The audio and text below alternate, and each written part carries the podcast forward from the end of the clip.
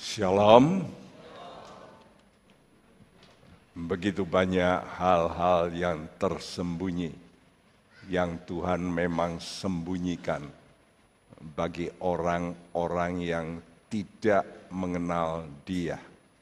Dia tidak memberikan rahasia yang luar biasa kepada orang-orang yang tidak mau percaya kepadanya. Kita berbahagia sebab Allah yang di sorga, dia mengungkap segala rahasia untuk kita.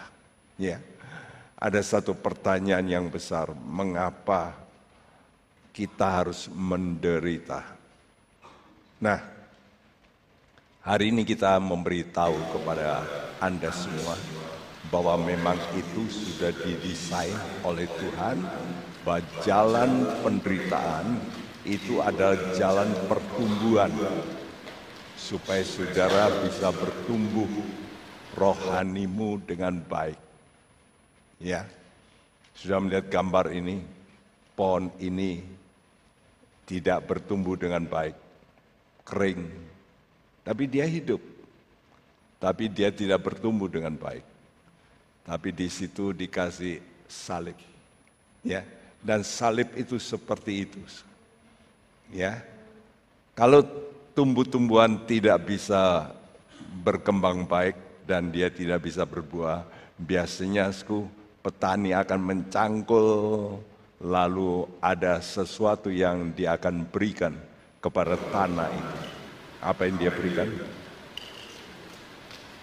Pupuk.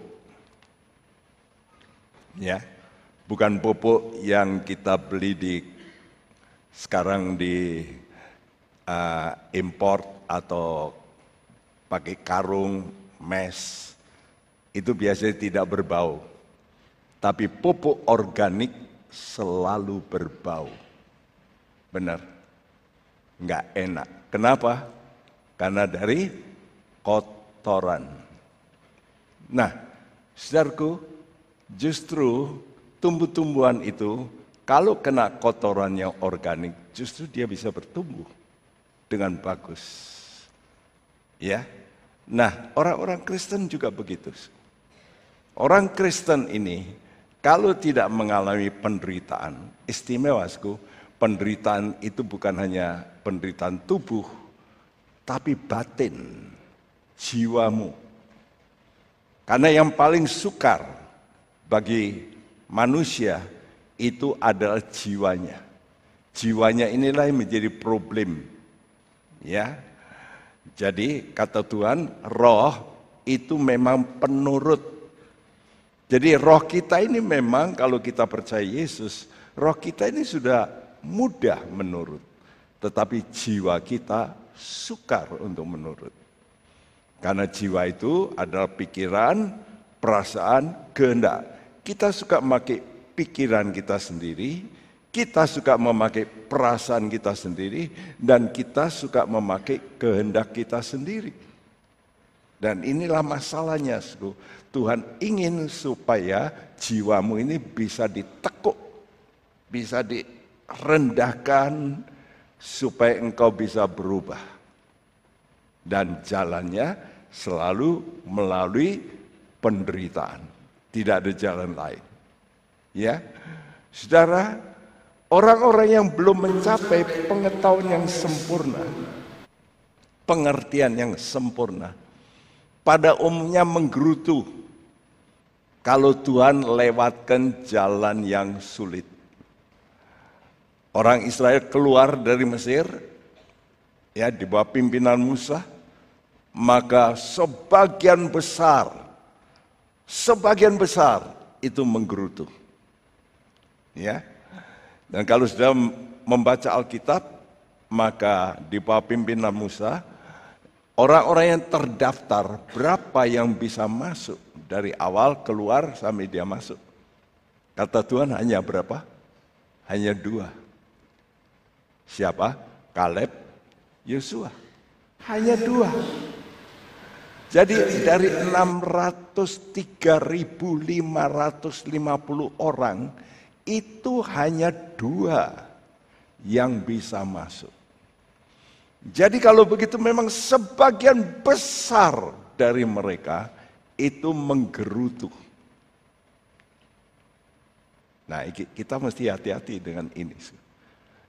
Minggu yang lalu kita belajar tentang dialog dalam hati kita. Gerutuan itu dimulai dari konflik dalam batin. Kok gini ya? Kok gini ya? Kok jalan Tuhan kok enggak enak ya? Nah kita mulai mulai melakukan dialog dalam hati kita. Inilah gambaran orang-orang Israel yang menggerutu kepada Musa. Ya, setiap kali ada masalah menggerutu. Setiap kali ada masalah menggerutu. Tidak luput juga ternyata Ayub. Sudah melihat Ayub. Ya, Ayub juga menggerutu. Orang-orang ini kecewa, marah, dan kadang-kadang menuduh Tuhan itu kok jahat. Ya, termasuk Ayub. Orang yang baik. Tapi dia berkata, ini yang bikin ini tentu Tuhan. Ini masalah yang buruk ini pasti Tuhan. Jadi perhatikan, orang kalau dalam keadaan tidak baik, itu bisa mempersalahkan Tuhan. Bahkan Tuhan dianggap jahat. Dan ini terjadi di anggota-anggota kita. Yang kalau ada masalah, ada problem, ada kematian, mereka kok gini toh ya? Kok Tuhan itu kok gitu? Ya, kok jahat? Ya. Saya sudah menemukan begitu banyak suku orang komplain kalau menemui kesulitan. Ya, saudaraku, padahal Ayub itu kalau kita baca Alkitab Ayub 1 ayat 1, mari kita baca. Apa kata Tuhan, pribadinya bagaimana? Ayub 1 ayat 1 sama-sama, 2, 3. Ada seorang laki-laki di tanah Uz bernama Ayub. Orang itu saleh dan jujur. Ia takut akan Allah dan menjauhi kejahatan. Wow, orang itu saleh, jujur, takut akan Allah, menjauhi kejahatan. Ya, saudaraku, hebat enggak ini? Hebat. Saudara belum tentu memiliki karakter seperti ini. Ya, dia tidak pernah mencuri, dia tidak pernah nakal dengan uang dan sebagainya. Wah, jujur, jujur aja kalau sudah di hadapkan dengan jujur, waduh banyak orang-orang Kristen juga tidak jujur. Ayub jujur, saleh, suka ibadah, ya itu namanya saleh. Takut akan Allah dan jauh dari kejahatan. Dia tidak mau melakukan kejahatan, saudaraku. Tetapi perhatikan sifat-sifat ini belum mencapai kesempurnaan. Dia memang saleh, tapi belum sempurna kesalehannya. Dia jujur, tapi belum jujurnya sempurna. Ya, begitulah suku. Kita melihat karena itu perlu dia disempurnakan. Nah ini tujuan Tuhan ya. Jadi Tuhan itu melihat sego roh dari Ayub memang seperti itu. Rohnya saleh, jujur, takut akan Allah, menjauhi kejahatan. Rohnya, spiritnya. Tapi waktu dia menemui masalah terus mulai dia diserang. So, mulailah keluar kata-kata yang tidak takut akan Allah. Ya, mulailah dia mulai mengucapkan kata-kata yang di mata Tuhan kurang bagus. Nah, itulah sebabnya Tuhan izinkan terjadi yaitu penderitaan itu. Jadi sudah mesti mengerti, penderitaan itu datang sebetulnya Tuhan mau supaya membuat Ayub ini makin hebat, makin bagus, makin dahsyat. Nah, di dalam Kristus kita ini semua sudah diberi anugerah. Sama seperti benih begitu ya. Saudara itu diberi anugerah benih untuk bisa untuk bisa bertumbuh ya dari firman Tuhan ini. Ini benih. Firman Tuhan itu benih untuk saudara bisa tumbuh rohanimu. Dan firman Tuhan itu kata Tuhan Apasku, perkataan Tuhan itu apa? Roh adanya. Jadi memang Tuhan itu mulai urusan dengan roh kita. Dia memberikan benih-benih ilahi di dalam roh kita. Supaya roh kita ini betul-betul menjadi roh yang baik, yang kuat, yang bagus. Ya, namun anugerah ini tidak boleh kita simpan, mesti ditumbuhkan dan bahkan dikembangkan terus. Ya, kalau bisa dengan katalisator Katalis, katalis itu artinya untuk mempercepat. Ada orang Kristen yang begitu lama di gereja, tapi nggak pernah kehidupannya itu kelihatan di luar itu baik.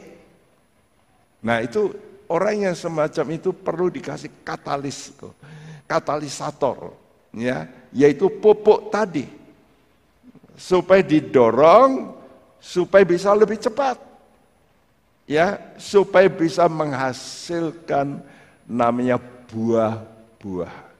Kalau cuma pohon dan daun itu tidak bisa dinikmati oleh manusia. Ya bisa dinikmati sebagai perteduhan. Karena itu gereja sebagai organisasi juga menjadi naungan bagi misalnya ada masalah pernaungan. Tetapi yang Tuhan minta bukan hanya pernaungan, tetapi tiap kita ini mesti mengeluarkan yang namanya buah-buah. Nah, jadi Tuhan ingin pertumbuhan kita ini harus terus bisa menjadi sempurna. Itulah sebabnya, saudaraku, anugerah Tuhan yang Tuhan beri itu cuma-cuma. Kita diberi cuma-cuma oleh Tuhan. Tapi anugerah yang cuma-cuma ini tidak boleh kita simpan ya dan kita hanya berterima kasih oh Tuhan terima kasih saya sudah menjadi orang percaya saya bisa selamat puji Tuhan tetapi Tuhan ingin anugerah Tuhan ini saudara kerjakan seperti Tuhan memberikan talenta-talenta. Ya. Ada hamba-hamba yang terus mengerjakan lalu melipat gandakan. Tapi ada hamba yang menyimpan itu. Jadi dia cuma terima untuk dirinya. Untuk tabungan. Tapi dia tidak menduplikasi supaya nanti bisa untuk diberikan kembali kepada Tuhan. Jadi Tuhan mau supaya saudara ini melakukan sesuatu untuk supaya bisa berbuah-buah. Ya. Jadi anugerah yang cuma-cuma ini harus dikerjakan secara progresif. Sebab dalam Tuhan itu semuanya itu sifatnya progresif. Saudara punya iman, tapi imanmu belum sempurna. Betul? Saudara punya kasih, sudah. Setelah menjadi orang Kristen, sudah berbeda, tapi belum sempurna. Jadi Tuhan ingin supaya sudah menyempurnakan, progresif. Karena itu anugerah yang Tuhan berikan kepada saudara harus dikerjakan ya supaya bisa menjadi lebih banyak berkat bagi orang lain. Kita diberkati untuk supaya menjadi berkat. Itu tujuannya. Jadi kalau kita hanya terima berkat, terima berkat, tapi tidak pernah memberkati orang lain dengan ucapan, menolong orang lain yang sedang susah, mungkin mau bunuh diri, mungkin mau cerai, dan saudara memberikan kekuatan, lalu nggak jadi, pisah. Itu kan bagus. Nah ini tugas kita ini seperti ini. Jadi saudara mesti mengerjakan anugerah itu. Seperti yang dikatakan Paulus dalam 1 Korintus 15 ayat yang ke-10 tolong dibacakan. Tetapi karena kasih karunia Allah, aku adalah sebagaimana aku ada sekarang dan kasih karunia yang dianugerahkannya kepadaku tidak sia-sia. Sebaliknya, aku telah bekerja lebih keras daripada mereka semua. Tetapi bukannya aku, melainkan kasih karunia Allah yang menyertai aku. Iya, Paulus tidak hanya menerima kasih karunia, tapi dia bekerja keras. Dari mana dia bekerja keras? Dikatakan bukan aku, tapi kasih karunia itu. Jadi anugerah ini yang kita terima itu yang membuat mendorong kita untuk kita melakukan yang lebih baik, lebih baik untuk kemuliaan Tuhan. Nah ini yang Tuhan inginkan dalam hidup kita. Karena itu Tuhan ingin supaya saudara bersekutu dengan Kristus. Ya, untuk mencapai kemuliaan. Kita memang bersekutu pertama-tama oleh karena kita percaya Yesus yang tersalib. Maka kita kumpul bersama. Ini oleh karena darah Yesus kita disucikan, waktu kita percaya darah Yesus menyucikan kita, lalu spirit kita bersih. Ya. Tapi jiwa kita masih belum. Karena pikiran sudah masih sering kali melayang-layang, bertentangan dengan firman Tuhan, betul nggak? Perasaanmu kadang-kadang tersinggung dan sebagainya. Ya, Saudaraku, tapi kita mesti bersekutu dengan Tuhan terus sampai kita masuk dalam kemuliaan bersama dengan Kristus. Nah ini yang Tuhan inginkan. Supaya saudara ini betul-betul tetap walaupun dalam problem-problem yang kadang-kadang menyakitkan. Nah apa itu gereja? Gereja adalah orang-orang yang dipanggil keluar dari sistem dunia ini. Dunia ini telah jatuh ke tangan si jahat. Kapan? Waktu Adam dan Hawa berbuat dosa. Waktu Adam dan Hawa berbuat dosa, dulu Tuhan kata, berkuasalah atas bumi. Tapi karena dia berdosa, maka kuasa itu diambil alih oleh iblis. Karena itu sekarang di dunia, Siapa yang menguasai dunia ini? Bukan Tuhan, belum. Dunia ini masih dalam kuasa si jahat. Ini perkataan Tuhan yang Tuhan katakan dalam saudaraku 1 Yohanes 5 ayat 19. Ya. Namun kita dipanggil apa maksud Tuhan memanggil kita?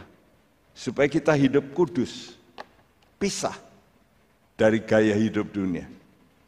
Karena itu saudara mesti bisa menjauh dari teman-temanmu yang hidupnya nggak benar.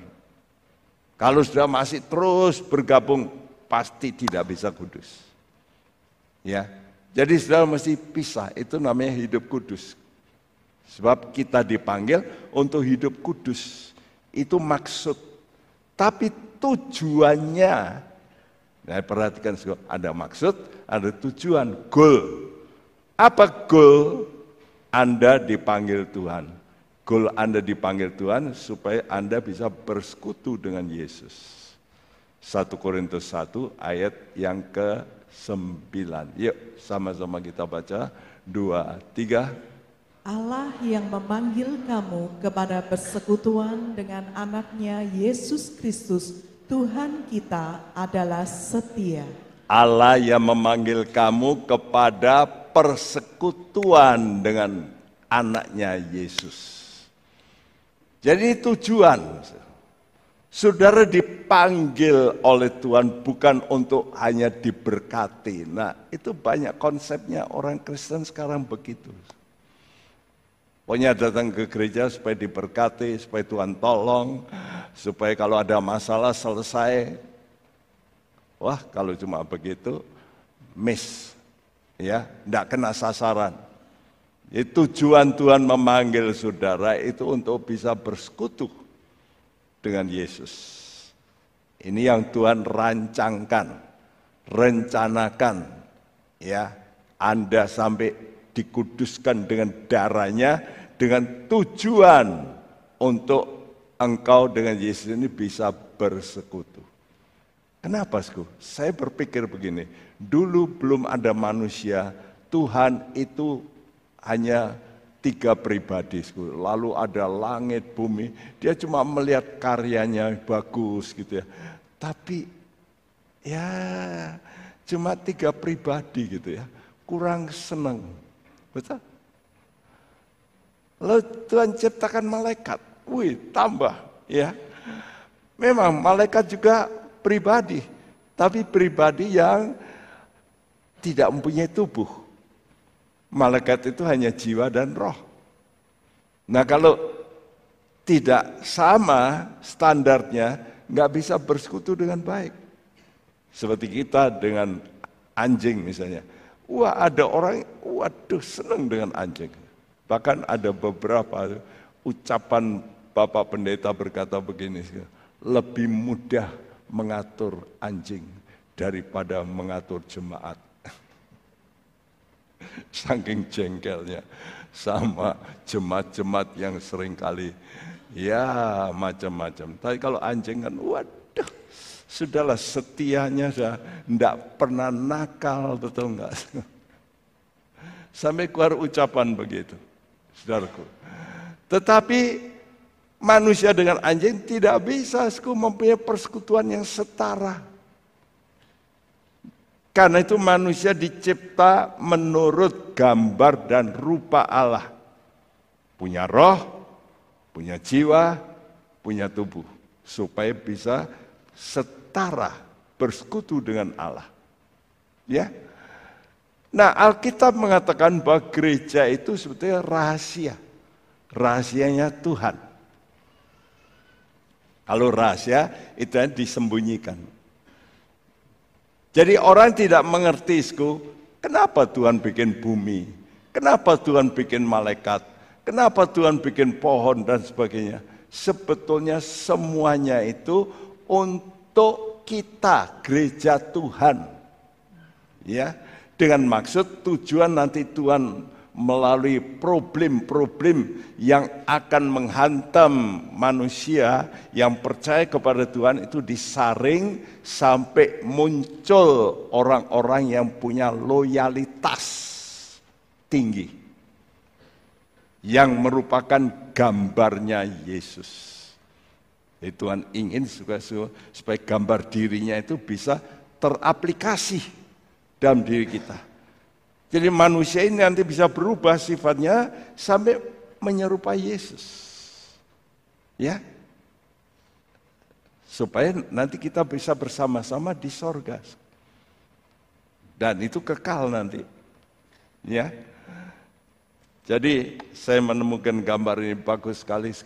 The mystery of Christ. Apa itu rahasia Kristus?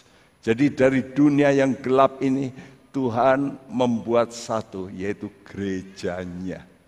Yuk kita buka Alkitab Anda supaya lengkap. Kalau ini saya potong-potong, nanti saya terangkan dengan potongan-potongan ini. Tapi mari kita baca melalui Alkitab kita, Efesus pasal 3 ayat 3 sampai 6, tolong dibacakan yaitu bagaimana rahasianya dinyatakan kepadaku dengan wahyu, seperti yang telah kutulis di atas dengan singkat.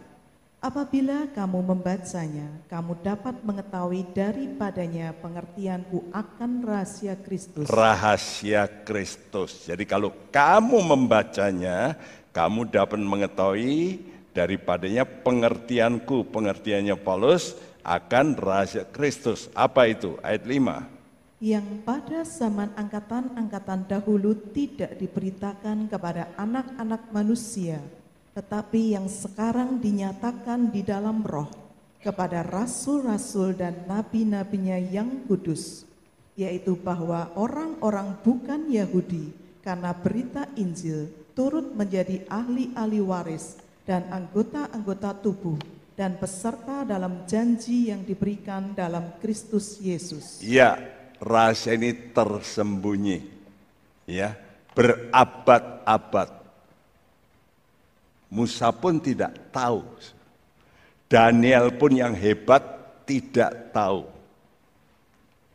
Ya, jadi Tuhan itu memberikan potong-potong meningkat begitu progresif wahyunya sampai kepada Paulus. Nah, sampai pada Paulus ini wah ini penyingkapan rahasia. Ya. Jadi Tuhan itu ingin memberitahu kepada kita, rahasia ini tersembunyi berabad-abad lalu diungkap karena Paulus yang menerima. Jadi rahasianya dinyatakan kepadaku, kepada Paulus dengan wahyu. Apa itu? Rahasia Kristus. Yang sekarang dinyatakan dalam roh. Jadi roh kudus. Mencerai. Memberikan iluminasi. Supaya ngerti ya bahwa orang-orang bukan Yahudi seperti kita ini kan bukan orang Yahudi ya karena berita Injil turut menjadi ahli-ahli waris. Jadi kita ini sebenarnya kalau setia mengikut Yesus, sudah nanti akan mewarisi kekayaannya Kristus. Karena itu saudara yang sekarang mungkin ya sederhana, nggak apa-apa, tunggu aja. Nanti kalau sudah cinta Tuhan, saudara ini akan mewarisi kekayaan Kristus. Tuhan janji bahwa orang yang punya hati yang lembut dalam Mazmur 37 berkali-kali orang-orang yang lembut hatinya itu akan mewarisi bumi. Nanti Tuhan akan menciptakan satu bumi yang jago uh, bumi kita ini nanti dikuasai Tuhan. Nah, orang-orang yang lembut hati nanti memerintah. Tapi nanti bumi kita ini dibakar diganti dengan langit dan bumi yang baru. Dan orang-orang yang setia mencintai Tuhan nanti mewarisi itu. Bumi itu yang baru itu. Ya.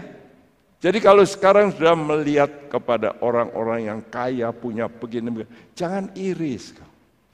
Saudara akan mempunyai kemuliaan yang jauh lebih hebat. Bahkan yang kekal. Ya, Tuhan akan memberikan itu. Jadi kita ini oleh karena berita Injil turut menjadi ahli waris dan anggota-anggota tubuh. Kenapa saya garis bawahi tubuh? Karena kita ini seperti tubuhnya Tuhan, kita ini nanti jadi anggota tubuh. Dan peserta dalam janji. Jadi apa yang dijanjikan Allah, itu nanti kita ikut di situ. Kemuliaan, nanti dipuji-puji, bahkan anak-anak Tuhan yang sungguh-sungguh nanti akan disembah. Wah, itu nanti ya, nggak boleh sekarang. Benar. Jadi saudara ini mesti mengerti itu kalau sudah punya pengertian itu, saudara punya ketahanan tidak apa-apa susah sedikit di muka bumi ini, tapi nanti hadiahnya besar. Ya, jadi gereja itu disebut tadi tubuhnya, tubuh, ya, yang terdiri dari orang-orang Yahudi, umat pilihan, siapa itu? Orang-orang yang mengikut imannya Abraham. Itulah orang Israel. Karena itu sudah lihat orang Israel sekarang. Wah, paling hebat di dunia. Ya, luar biasa. Hadiah-hadiah Nobel kalau sudah baca, yang memperoleh itu sebagian besar orang Israel. Ilmu-ilmu yang waduh macam-macam. Sekarang mereka tidak takut kekurangan air. Mereka bisa sedot udara langsung pakai alat langsung bisa diminum. Jadi saudara ke padang gurun sekarang bisa pakai alat, lalu bisa keluar air. tanpa bawa air. Ini teknologi yang paling baru yang dibuat oleh orang Israel. Ya, makanya kalau sudah pergi ke Israel sudah melihat seluruh Israel itu uh, tanaman-tanaman itu nyiramnya itu pakai pipa-pipa jam tertentu. Tidak seperti di Indonesia pagi-pagi disiram, so, malam disiram. Mereka kalau nyiram air itu mahal. Jamnya biasanya jam 10, jam 11 gitu. Baru siram. Secukupnya. Menurut tanamannya apa. Semua diprogram. Jadi kota itu isinya ledeng-ledeng untuk tanaman. Luar biasa, ya. Kalau sudah lihat buah-buah sampai, waduh, ya apa saja, cuma segini tapi dari atas sampai bawah. Luar biasa, ya. Jadi orang Yahudi ini nanti yang mengikuti Abraham dan orang bukan Yahudi yang percaya kepada Yesus nanti dijadikan satu. Nah orang Yahudi ini kalau sudah baca tidak mau bergaul dengan orang-orang non Yahudi. Kawin aja nggak boleh, kecuali yang nakal. Ya. Tapi mereka nggak mau. Jadi kalau ada satu bangsa di dunia yang tidak pernah hasil keturunan itu cuma Israel. Kita ini keturunan siapa aja ya campur aduk lah. Iya toh. Tapi Israel bisa diurut gitu. Jadi nenek moyangnya itu bisa diurut. Misalnya kalau saudara membaca ada nama Kohen, C ya pakai C, Kohen gitu. Itu turunan Lewi. Itu bisa diurut. Punya silsilah gitu. Seperti anjing ya, anjing herder gitu, ada sertifikatnya. Kalau saya tanya pada Betty misalnya, nama papanya pasti tahu. Nama engkongnya mungkin tahu. Nama kongconya sudah nggak tahu. Nama kong kong kong kongconya lebih nggak tahu lagi, betul? Tapi orang Israel tahu. Dia punya silsilah. Terus. Ya, kalau sudah baca di Alkitab lihat itu. Sampai Adam bisa. ya. Kenapa? Karena mereka menjaga, tidak mau campur. Karena itu mereka ini menganggap rendah bangsa yang namanya kafir ya seperti di sini mengkafir-kafirkan. Orang Yahudi juga begitu. Kalau bukan Yahudi kafir.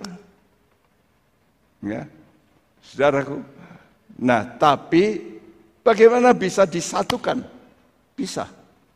Orang begitu yang sombongnya bukan main. Disatukan oleh karena Yesus dijadikan satu tubuh. Coba kita baca Efesus pasal 2 ayat 14 sampai 16 sama-sama 2 3. Karena dialah damai sejahtera kita yang telah mempersatukan kedua pihak untuk menciptakan keduanya menjadi satu manusia baru di dalam dirinya, memperdamaikan keduanya di dalam satu tubuh. Ya, jadi dua kelompok ini yaitu Yahudi dan bukan Yahudi yang sering kali breng berseteru lihat di dunia ini gegerannya selalu orang Yahudi, betul? Semua bermusuhan sekarang. Siapa yang nggak bermusuhan? Cuma Amerika sekarang. Semua seluruh dunia bermusuhan. Itu kenyataan. Ya, jadi sudah lihat nanti yang bisa menggandeng itu Yesus. Untuk bisa jadi satu tubuh. Karena itu orang-orang Yahudi yang sudah jadi Kristen, nah baru bisa gabung. Buktinya nyata, seperti Paulus bisa gabung dengan orang yang dulunya dianggap kafir. Ya, Petrus bisa hubungan dengan orang-orang yang dulunya dianggap kafir. Tapi sekarang bisa bersekutu. Kenapa? Oleh karena Yesus. Jadi Yesus itu seperti jembatan. Jembatan penghubung. Antara dua kelompok. Yang di sini kelompok sini. Ini saling berseberangan tapi disatukan. Ya, seperti dua ini. Ya, orang yang bisa disatukan melalui salib Yesus. Karena itu mereka gereja itu seperti ini, Yesus itu menjadi kepala dan kita menjadi anggota-anggota di kepala kita ini, Mata, telinga dan sebagainya. Lalu anggota tubuhnya kita dijadikan satu manusia yang baru, new man.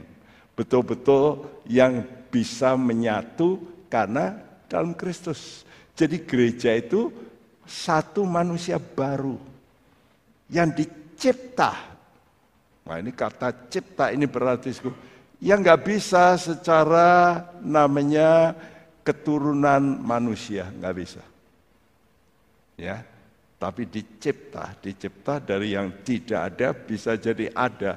Dicipta dan terdiri dari orang-orang Yahudi yang mengikuti imannya Abraham dan bukan Yahudi yang mengikuti berita Injil Yesus ya bahwa Yesus itu Allah yang menjadi manusia ya, mereka dijadikan satu Yesus jadi kepalanya. Dan itu semua oleh karena pekerjaan Roh Kudus dan firman Allah. Orang Yahudi juga punya firman kita juga punya firman. Cuma orang Yahudi yang sekarang hanya perjanjian lama. Mereka tidak mau mengakui perjanjian baru. Mereka menolak Yesus. Yesus bukan Allah. Yesus memang nabi, tapi bukan Allah. Itu yang menyebabkan tidak bisa bersatu. Tetapi ada orang-orang Yahudi yang melihat, loh semua yang ditulis di perjanjian lama itu mengacu kepada Yesus. Apa yang dituliskan? Misalnya Yesaya, dia nanti di, di antara dis, disalibkan di antara pemberontak. Ternyata Yesus. Jadi sebetulnya kalau mereka baca itu jelas, tapi mereka menolak. Kenapa mereka menolak? Kuncinya ini. Karena waktu Yesus datang ke dalam dunia. Mereka tahu ini anak tukang kayu. Dan mereka tidak mau percaya Yesus itu lahir dari Roh Kudus. Bahwa Maria itu gadis yang bisa mengandung. Itu nggak bisa percaya. Karena itu saudara mesti percaya. Yesus itu lahir dari gadis Maria. Bukan daripada Yusuf, bukan. Ini kunci paling penting. Ini namanya saudara iman orang Kristiani itu mesti di situ. Nah, kalau saudara mempercayai kuasa Allah seperti itu, kenapa? Allah punya tujuan. Ya. Jadi gereja itu rahasia Kristus yang diungkap melalui wahyu dan iluminasi dari Roh Kudus. Seperti Efesus 1 ayat 9 sampai 10. Yuk sama-sama kita baca semua bersuara dua tiga. Sebab ia telah menyatakan rahasia kehendaknya kepada kita sesuai dengan rencana kerelaannya, yaitu rencana kerelaan yang dari semula telah ditetapkannya di dalam Kristus sebagai persiapan kegenapan waktu untuk mempersatukan di dalam Kristus sebagai kepala segala sesuatu, baik yang di sorga maupun yang di bumi. Jadi Allah itu sebenarnya jauh-jauh hari sudah merencanakan bahwa yang namanya Yesus itu Allah yang menjelma jadi manusia itu nanti menjadi kepala dari segala sesuatu baik yang di sorga maupun di bumi. Jadi baik malaikat-malaikat yang sekarang ada di sorga nanti disatukan mengakui bahwa Yesus itulah kepalanya. Ya dulu Lucifer tidak mau ngakui itu, bahkan mau merebut. Ya, Tapi nanti mereka lihat Yesus sudah ditetapkan Allah sebagai kepala segala sesuatu. Karena itu saudara sekarang mesti menghormati dia. Yesus itu Allah yang menjadi manusia. Dan misteri ini dinyatakan kepada kita. Nah sebelum dunia dijadikan, Allah itu sudah merencanakan yang namanya penebusan. Ya. Jadi Allah Tritunggal karena Allah Bapa itu suku fungsinya sebagai pengarah ya sebagai arsitek gitu dari semua rencana. Tentunya mereka tiga pribadi ini tentu berbicara bagaimana kalau manusia nanti jatuh dalam dosa. Kalau kita bentuk manusia serupa kita, nanti berontak bagaimana? Maka mereka berunding dan oke, okay, kalau berontak kita adakan penebusan. Kalau penebusan mesti harus bayar harga tebusan. Ya, dan kalau bayar harga tebusan berarti harus ada yang korban. Dan Yesus ditunjuk untuk menjadi korban ini. Dan dia diutus untuk mati. Dia harus jadi manusia, direndahkan, lalu mati. Ya, tapi ini Tuhan sudah tahu. Karena ini ada satu gambaran. Ini mata ya. Jadi di mata Allah itu sudah kelihatan Yesus tersalib. Dan kita ini dipilih di dalam Kristus. Karena itu kalau ada kata-kata kita dipilih dipilih sebelum dunia dijadikan itu jangan saudara. Tapi gereja. Sebab yang disebut gereja itulah orang yang di dalam Kristus. Ya. Orang yang masuk gereja belum tentu di dalam Kristus, betul? Kenapa? Nanti kita terangkan, ya. Jadi yang betul-betul bisa diatur oleh Yesus. Seperti kepala ini ngatur tubuh kita. Tangan, kaki. Ya, saya bisa. Angkat tangan, Loh, saya bisa. Tapi kalau orang stroke bisa enggak? Angkat tangan. Enggak bisa. Kenapa? Ya hubungannya terganggu antara kepala dan tangan. Syarafnya. Yaitu roh. Makanya saudara rohmu ini mesti nyambung dengan rohnya Allah.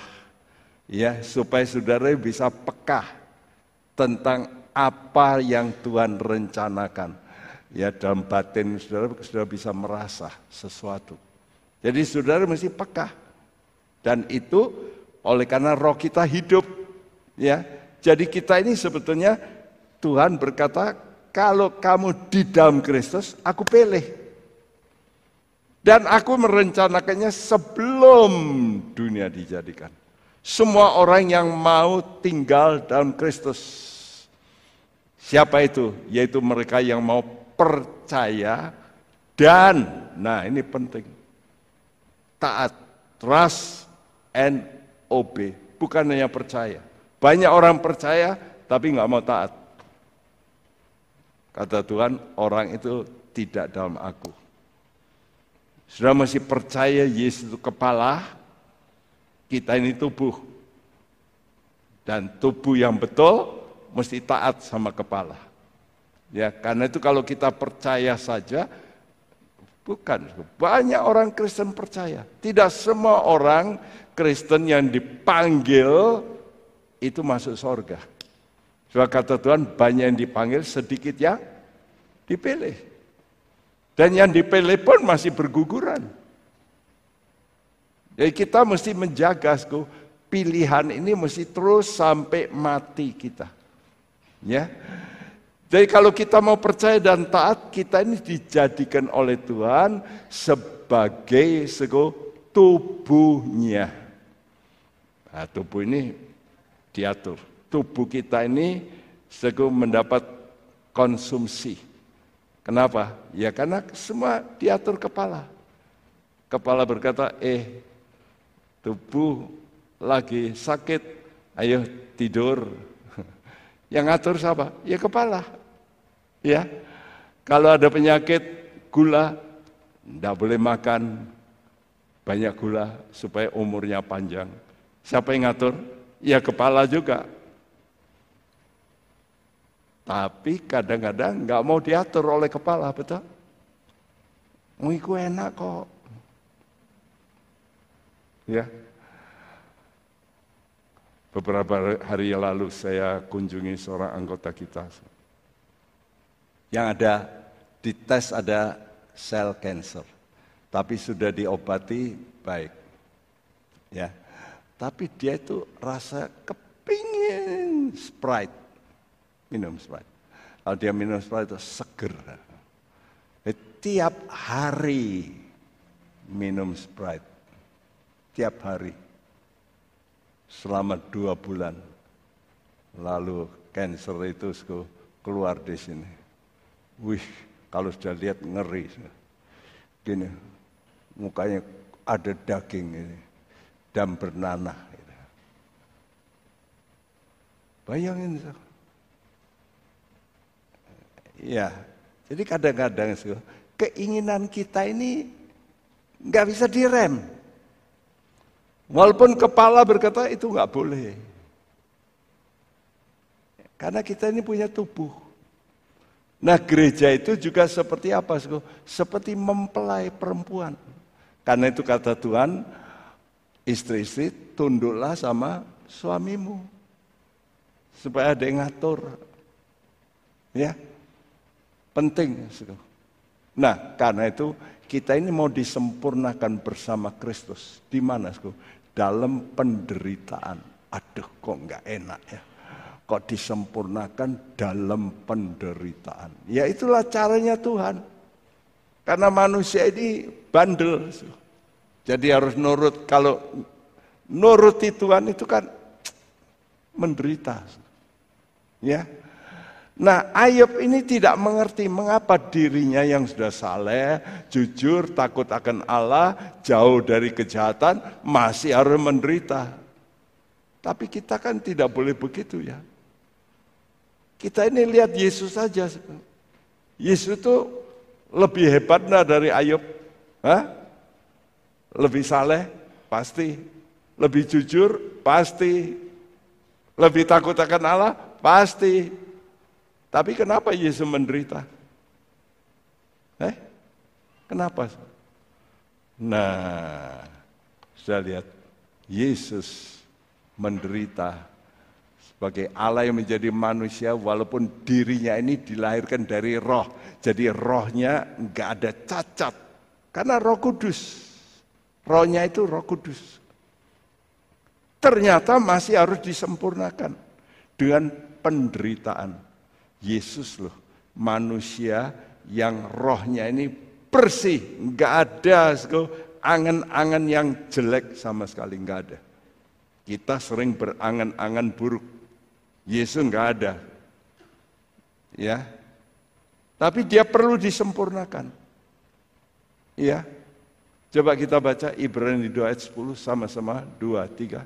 Sebab memang sesuai dengan keadaan Allah yang baginya dan olehnya segala sesuatu dijadikan, yaitu Allah yang membawa banyak orang kepada kemuliaan, juga menyempurnakan Yesus yang memimpin mereka kepada keselamatan dengan penderitaan.